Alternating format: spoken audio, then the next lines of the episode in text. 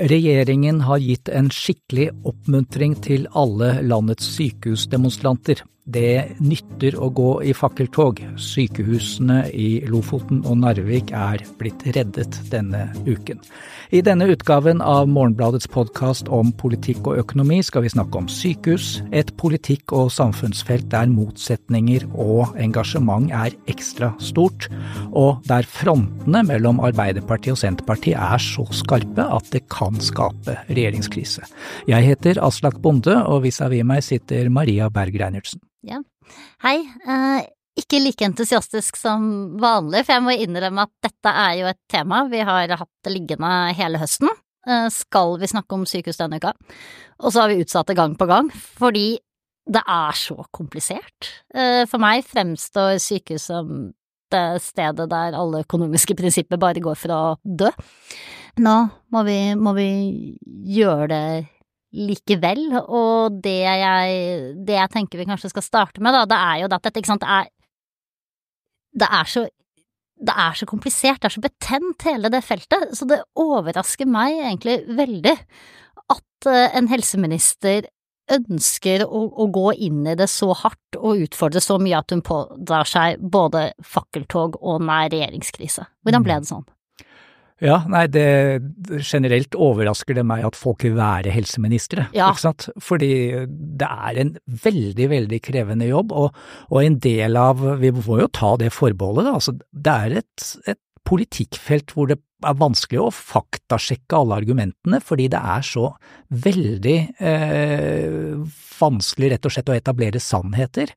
Eh, men vi får jo bare begynne på hvorfor vi da denne uken har bestemt oss for å snakke om det, og det er ganske opplagt fordi eh, det var en veldig dramatisk kamp i regjeringen eh, forrige helg mellom Senterpartiet og Arbeiderpartiet.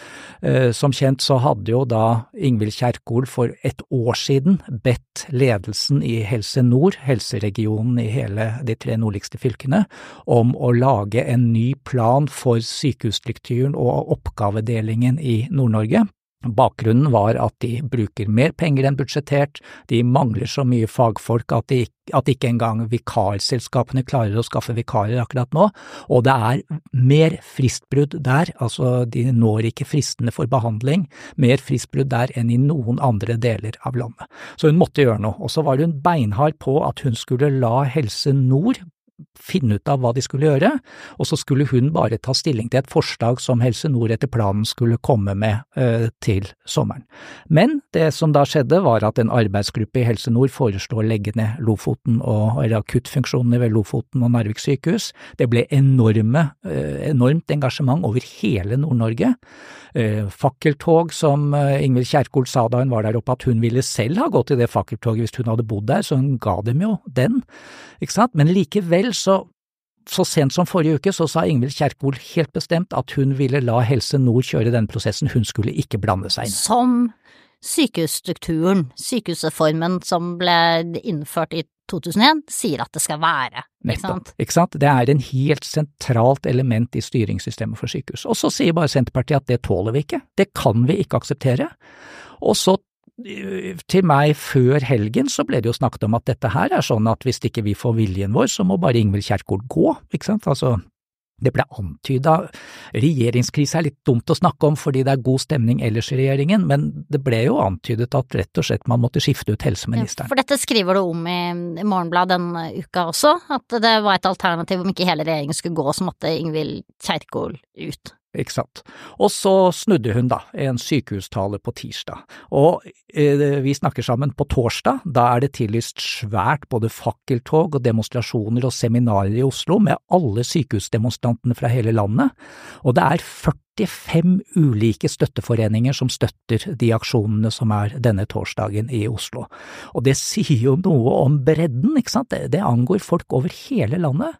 Og, og det er eh, kontinuerlig, det er ingen sak som har liksom foranlediget så mange fakkeltog som sykehus. For der samles da folk som vil ha tre sykehus i Finnmark, og folk som vil bevare Ullevål sykehus i Oslo i et, samme, et sånt felles fakkeltog for helheten, da. Som må være en ganske annen helhet enn eh, de her helseministrene ønsket seg, hvor man skulle liksom ta, kutte antallet sykehus rundt omkring i Norge for å få bedre utnyttelse av pengene. Ja, og det syns jeg er så herlig. Hele mottoet denne torsdagen er fakkeltog for helheten, og det spiller på en sykehusdirektør som ble intervjuet av NRK her eh, før jul en gang, og som da sukket over alle disse fakkeltogene for enkeltsaker, og så sa han noen må jo se helheten, ikke sant, det er det sykehusdirektørene sier at ok, hvis vi ikke kan liksom tenke nytt om Lofoten-Narvik, så får vi ikke tenkt nytt om hele Nord-Norge, vi må se helheten. Og så, og sånn ser det ut fra en sykehusdirektørs ståsted, men så sier disse demonstrantene at ja, men det er jo vi som jobber for helheten, for helheten i sykehustilbudet til folk, det er at sykehusene de skal, være, de skal gi deg behandling når du trenger det, men de skal også gi deg trygghet. Det er en viktig del av helheten i sykehustilbudet til folk.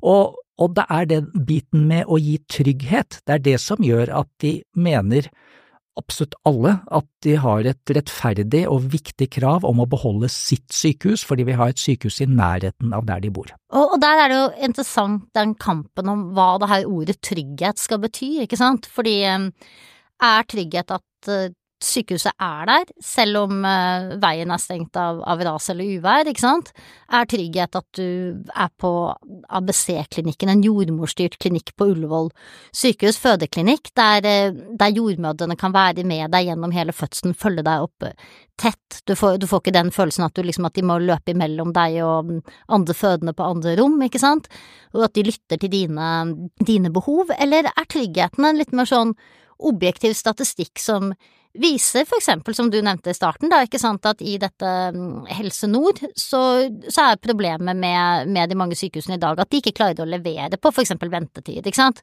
Uh, og det kan jo også være en fare for tryggheten din, ikke sant, fordi du blir jo Da kan det være at du kommer for seint inn, at du ikke får uh, stilt en kreftdiagnose i tide til å få den, den beste behandlingen du kunne fått, ikke sant, eller at du får en lege som uh, Eh, eller at den legen som skal gjøre operasjonen din, er på et sykehus hvor, det, hvor, det, hvor de har så få hastekeisersnitt, eller hva det nå er, ikke sant, at, du, at den legen er ganske uerfaren i dette.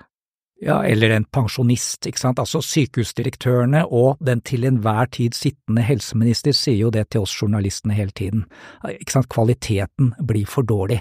Men dette er jo et av de områdene hvor det er veldig vanskelig å kvalitetssjekke, eh, faktasjekke argumentene, ikke sant, fordi Eh, ja, eh, det, de opererer mye mindre selvfølgelig på små sykehus, men eh, det er veldig mange ulike måter å se på disse statistikkene på, og det er ikke sånn entydig at der hvor man har det mest sentraliserte tilbudet, hvor de opererer mest, at det er der det skjer færrest feil.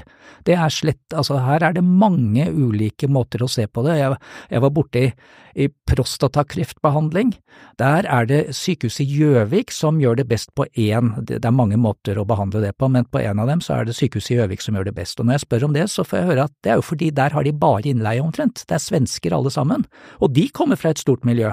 Ikke sant? Så da blir det plutselig da et av de små sykehusene som er mye bedre enn de store, fordi de kan på en måte få inn friske folk som har erfaring andre steder fra. Ja, for øvrig et sykehus som vel er litt på hengende håret nå, ettersom det er besluttet å bygge et nytt sentralsykehus for Innlandet. Ikke sant, på Moelv. Mm. Så ikke bare på hengende håret, det, det, det, skal vel da legges ja. ned, så ja. Nettopp. Men eh, det jeg syns er så interessant, da, med, med, akkurat det her faktagrunnlaget, er jo det at det går jo igjen i mange av de her store helsedebattene. Du nevnte jo at Ingvild Kjerkol hadde den her eh, sykehustalen sin, eh, årlig fenomen i, i, januar, der hun legger ut liksom sine visjoner og planer og ønsker for sykehusene i året som kommer. Og det som Og hun brukte jo ikke den bare til å, å frede sykehusstruktur og eller to, to, sykehus og fødestuer i, eh, i Nord-Norge, ikke sant, i år. Hun brukte den jo også til å annonsere noen sånn litt større endringer i eh, finansiering. Det ene var for så vidt ukontroversielt, fordi hun sier at sykehusene skal få mer penger, blant annet ved at de er, er, slipper et sånt årlig effektivitetskutt som de har hatt til nå. Men den andre tingen var jo det at hun lanserte også en sånn endring som skal komme, litt uklart akkurat hvordan, i det som har vært finansieringssystemet for sykehusene, såkalt innsatsstyrt finansiering, ISF, ikke sant, hvor sykehusene har fått 20 av, av inntektene sine fra, ved å telle operasjonene de gjennomfører, ulike operasjoner, og så får de penger per liksom, behandling de gir da. Eh, dette har det vært mye kritikk av.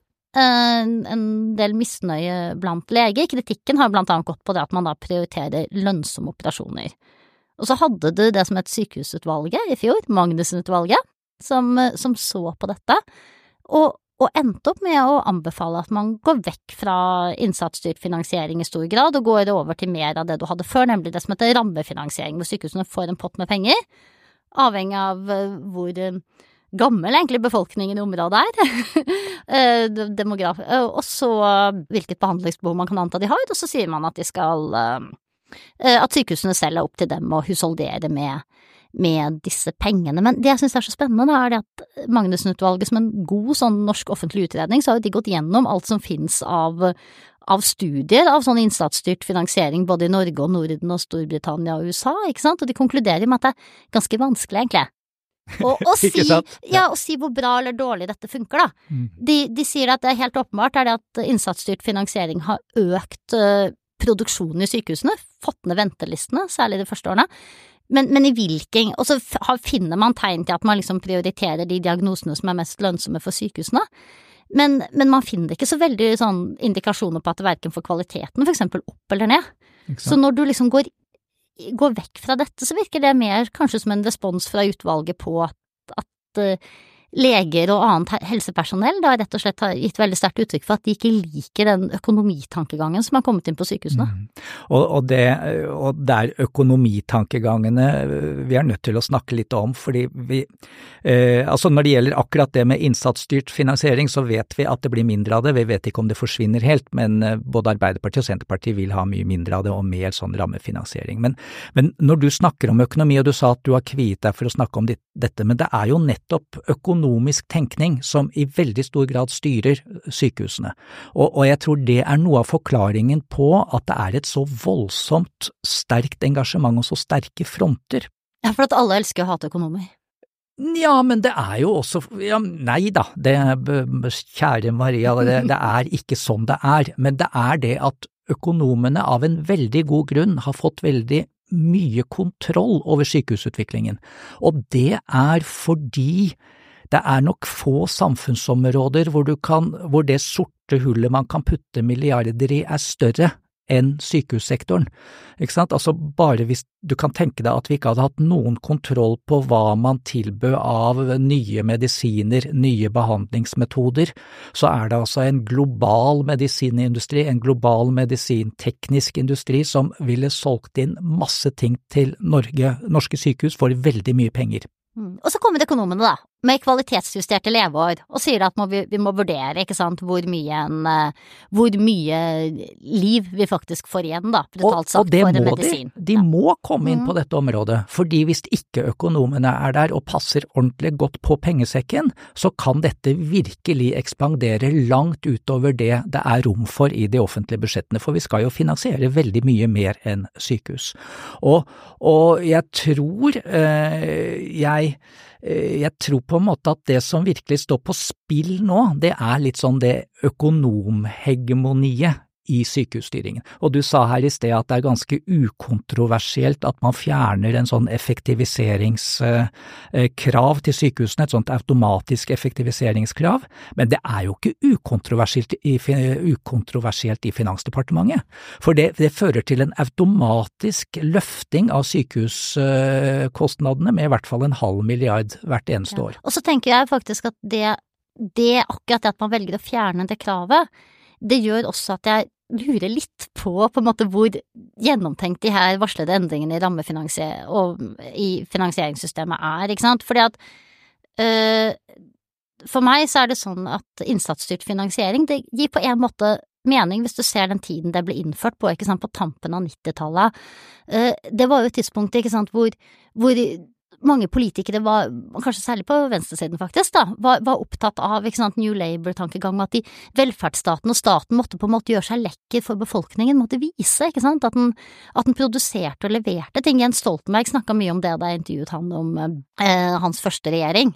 20-årsjubileum eh, for, at den regjeringen uh, til, kom til makten, uh, hvordan de var opptatt av sant, at, at, staten skulle på en måte fremstå som bedre overfor innbyggerne. Og da kan du si at det å innføre et finansieringssystem da som virkelig liksom prioriterer produksjon, ikke sant, få opp antall operasjoner, få ned ventelistene, det gir jo mening.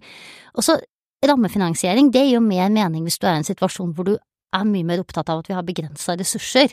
Vi må, ikke sant, det er svarte hullet, du er ikke du er mer opptatt, skal du si, hvis du holder deg til det svarte hullet ditt, da, så er du på en måte mer opptatt av hva som går ned det svarte hullet, enn hva som kommer ut av det. Mm.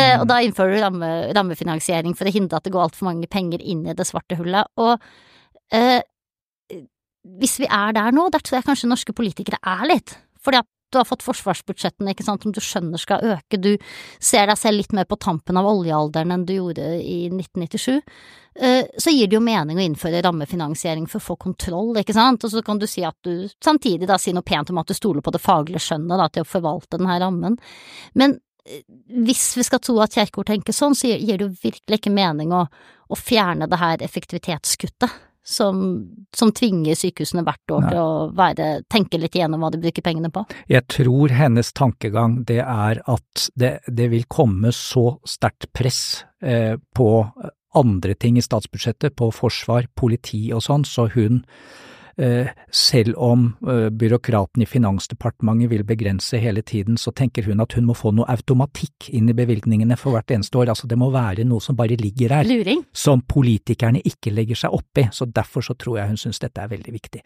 Men du, må, det er jo ikke bare økonomi i sykehusene. Nei. Ikke sant? Altså, det, er jo viktig, viktig også å ta denne diskusjonen som jo hele tiden ligger under her, hva slags type sykehus trenger vi i fremtiden? Mm. Ikke sant? Altså, hva er det vi skal ha disse sykehusene for? For det går rett inn i den diskusjonen på en måte om uh, småsykehus, små fødeavdelinger, og, og, trygghet på sykehusene. Fordi noen sier til meg, spesielt av sykehusdemonstrantene, da, at uh, at uh, i fremtiden så blir vi jo relativt sett mange flere eldre, og da trenger vi ikke disse spesialiserte sykehusene i veldig stor grad. Altså det som er eld, virkelig gammel medisin, det er geriatri, det er slag, det er eh, jeg håper å si sånn helt diffuse ting, urinveisinfeksjoner, forstoppelser som fører til, som man ikke oppdager, og så blir folk lagt inn på sykehus. Og da trenger man ikke et høyspesialisert sykehus, da trenger man faktisk noen kompetente allmennmedisinere som er på et sykehus og gir trygghet. Og, og det gjør jo at man ikke trenger å sentralisere sykehustjenestene. Mens da så sier da veldig mange direktører at ja, men vi, vi må jo ha sterke sterke fagmiljøer. Vi er nødt til å ha sykehus som virkelig gjør mye og som er spennende for fagfolkene på ett felt, og disse feltene blir mer og mer spesialiserte, så da må vi ha mye større sykehus. Og, og det, i Nord-Norge så vil jo det antageligvis føre til at Bodø sykehus nå virkelig ligger dårlig an, fordi Tromsø sykehus vil si at nå må vi få en del fra Bodø for å styrke Tromsø som universitetssykehus. Men, men, men et svar på dette ville vært å, å, å la fagmiljøene samle seg, da, for å gjøre alt det liksom rivende medisinsk utvikling lar dem gjøre, for å holde oss i live og, og, og, gi oss god liv. Og så kunne man flytte til mer av, dette, av det som handlet om liksom behandling av eldre og generelt kronisk syke, ned i kommunehelsetjenesten, ikke sant. Det var jo det som var litt ideen med Samhandlingsreformen, for eksempel, hvor du skulle etablere sånne helsehus som skulle stå for en, en del av behandlingen, da, i, gjennom mer sånn spesialisert behandling gjennom kommunehelsetjenesten. Hva er galt med det? Nei, og det er ikke noe galt med det, og det kommer, ikke sant. Altså, distriktsmedisinske senter, det er eh, noe de virkelig er opptatt av. Sjukestugu på Ål. Eh, mm. Politikerne reiser valfarter til sjukestugu på Ål. Der er det sånn at de fleste i Hallingdal som får slag, de, de kommer ikke lenger til den sjukestugu fordi de blir behandlet med, med, medisiner, ikke med noe Nå ble jeg, jeg tror det heter noe, det er noe trombose, holdt jeg på å si, mm. men noe sånt ja. noe. Eh, men eh, de blir behandlet med medisiner etter at legene i Oslo har sett på alle bilder, alle tester eh, i sanntid og anbefalt hva de på sjukestugu òg skal gjøre. Og dette er fremtiden, sier de.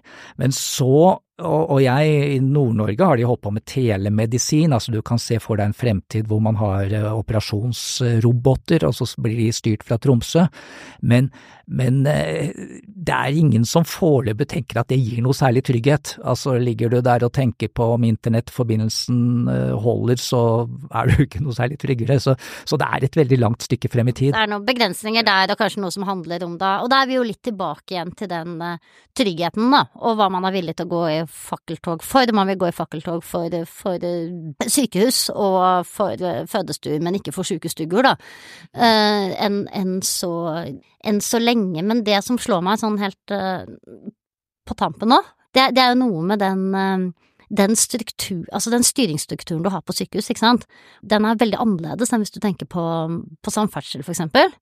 Samferdsel er jo lagt opp til at man, man har Altså den, at, at, den ikke bare skal handle om å liksom få mest mulig vei for pengene, ikke sant. Du skal få eh, vei i hele landet. Du, det, det, er laget for å håndtere sånne konflikter som at ikke sant, nå er det, nå er det Trøndelag sin tur, nå er det Oslo sin tur, nå er det Nord-Norge sin tur, ikke sant. At det, ved, at, ved at rammene for hvordan du skal bruke samferdselspengene bestemmes av stortingspolitikere, ikke sant. De store hestehandler eh, hvert fjerde år når du legger Nasjonal transportplan, og så rehestehandles det i statsbudsjettet og reviderte statsbudsjetter.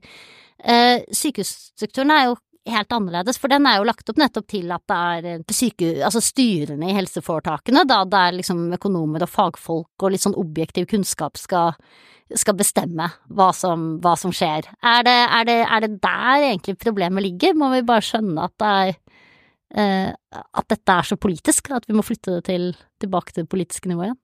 Og, og, det er et av de store temaene fremover, men der tror jeg kanskje ikke det kommer til å skje noe. Altså, de ansiktsløse byråkrater er jo blitt et skjellsord. Hele helseforetaksreformen, den har da ført til at politikerne har gitt fra seg veldig mye styringsansvar til sykehusdirektører og byråkratene rundt omkring. Og og det er demokratisk sett helt hårreisende, for dette er jo beslutninger som virkelig angår folk. Eh, åpenbart demokratisk viktige beslutninger, men det er påfallende hvordan den til enhver tid sittende helseminister ender opp med å være veldig for dette systemet. Bent Høie kom inn som helseminister i 2013 og var imot helseforetaksreformen. Han ville ta kontroll og styring over sykehusene.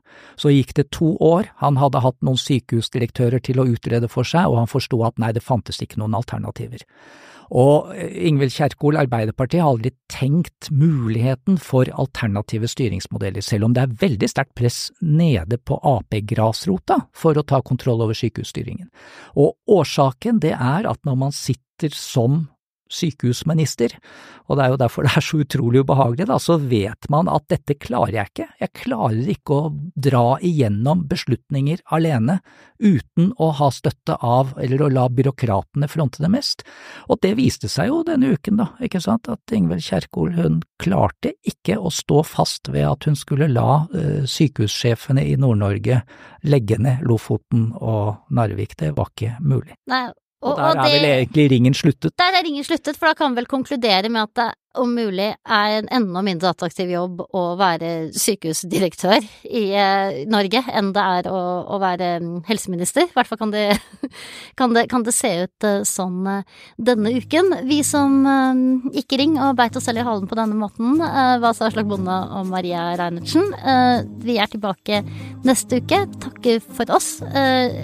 Produsent for denne sendingen var Emma Johnsen Rødli. Ansvarlig redaktør er Sunn Heidi Sæbø og vi høres om en uke.